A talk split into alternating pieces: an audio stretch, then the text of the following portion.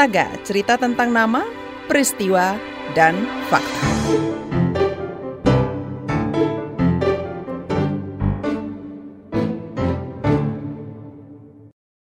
Rokok elektrik tengah menyerbu Indonesia. Di Jakarta, baru-baru ini sebuah toko retail rokok elektrik dibuka di sebuah mall. Padahal merek rokok tersebut dilarang di banyak negara.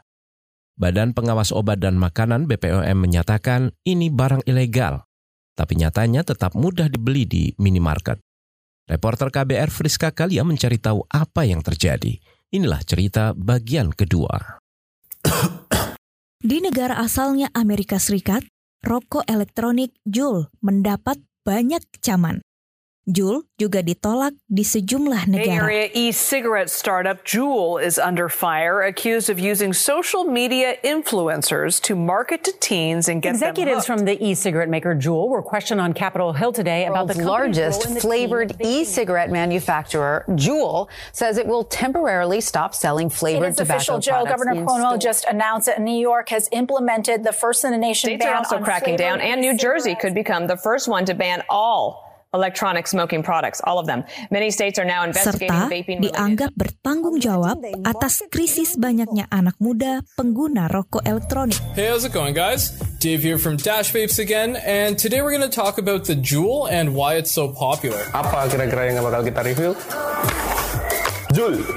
Jul, Jul, Jul, This Jul, vape Jul, Jul, conglomerate skyrocketed the vaping industry like no other. Even though Juul is a vape company, Today I'm going to they are- unbox the Juul, show you how to set it up, give you my Seperti rokok konvensional dan rokok elektronik lainnya, Juul mengandung zat nikotin yang bikin kecanduan. Namun, Juul mengklaim sebagai produk alternatif dari rokok yang bisa meningkatkan kualitas hidup perokok dewasa. Eh, memang di beberapa negara Juul ini sudah dilarang ya, seperti misalnya di- Ada banyak informasi keliru di sana, kata peneliti kesehatan masyarakat Bella Denta Amalia. Ia tengah mengambil studi doktoral soal rokok elektronik di Barcelona. Jadi perbedaan rokok konvensional dan rokok elektrik itu, kalau rokok elektrik atau yang sering disebut vape, eh, dia tidak membakar tembakau seperti layaknya rokok konvensional. Jadi dia adalah suatu device atau alat menguapkan cairan eh, yang di dalamnya umumnya mengandung nikotin gitu. Tapi dari eh, uap dari rokok elektrik ini bukan hanya mengandung uap air ya, seperti yang banyak dikira oleh eh, para masyarakat pada umumnya gitu. Jadi dia selain mengandung nikotin, dia juga mengandung zat-zat lain, zat-zat toksik lain. Yang paling sering diketahui itu formaldehyde. Formaldehyde itu adalah salah satu penyebab kanker atau zat karsinogenik yang sudah diketahui. Sejak awal, Juul memang banyak dipromosikan kepada anak muda.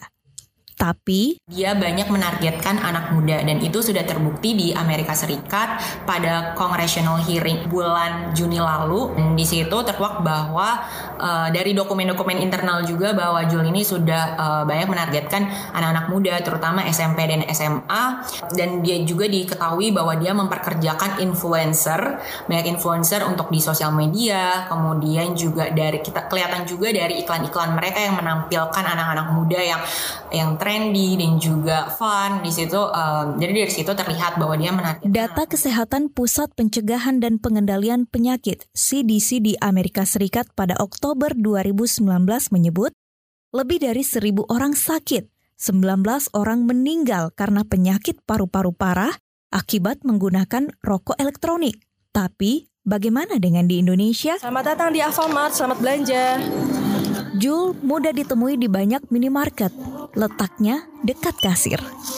Padahal, sampai sekarang pun Kementerian Kesehatan belum bisa menempatkan rokok elektronik seperti Jul sebagai produk tembakau dan turunannya yang bisa diatur ketat. Terima kasih, sampai belanja kembali. Peraturan pemerintah itu masih menunggu revisi.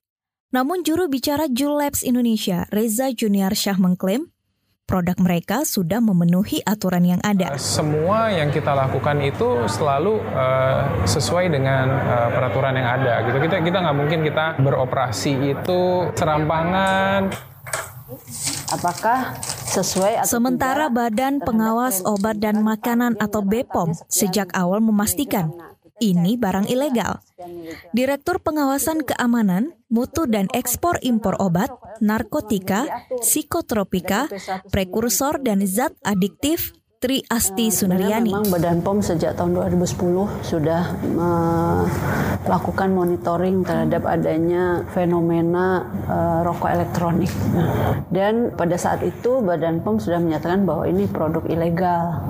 Produk yang sebenarnya hingga hari ini ya, hingga hari ini kita menyatakan uh, bahwa produk ini berbahaya, tidak pernah ada permintaan dan memang kita tidak punya kewenangan untuk memberikan izin atau tidak. Jul, juga sudah bayar cukai kepada negara kata juru bicaranya Reza Junior. Jadi di Indonesia kita patuh kepada peraturan uh, yang uh, mengatur tentang uh, apa namanya liquidnya itu tadi cukai. Cukai yang maksimal itu. Ya? Betul gitu.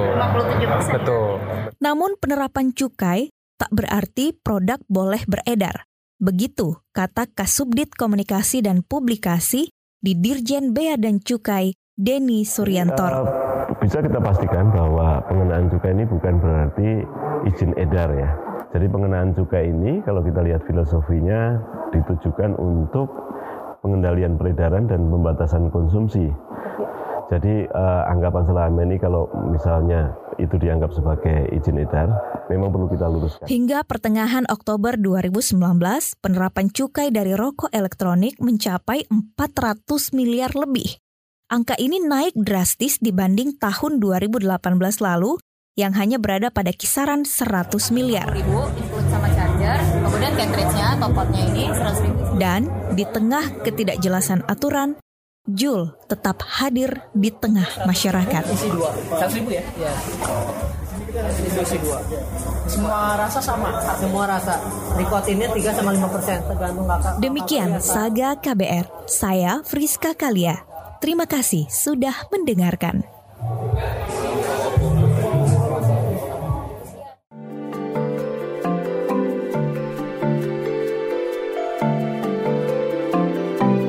Saga, cerita tentang nama, peristiwa, dan fakta.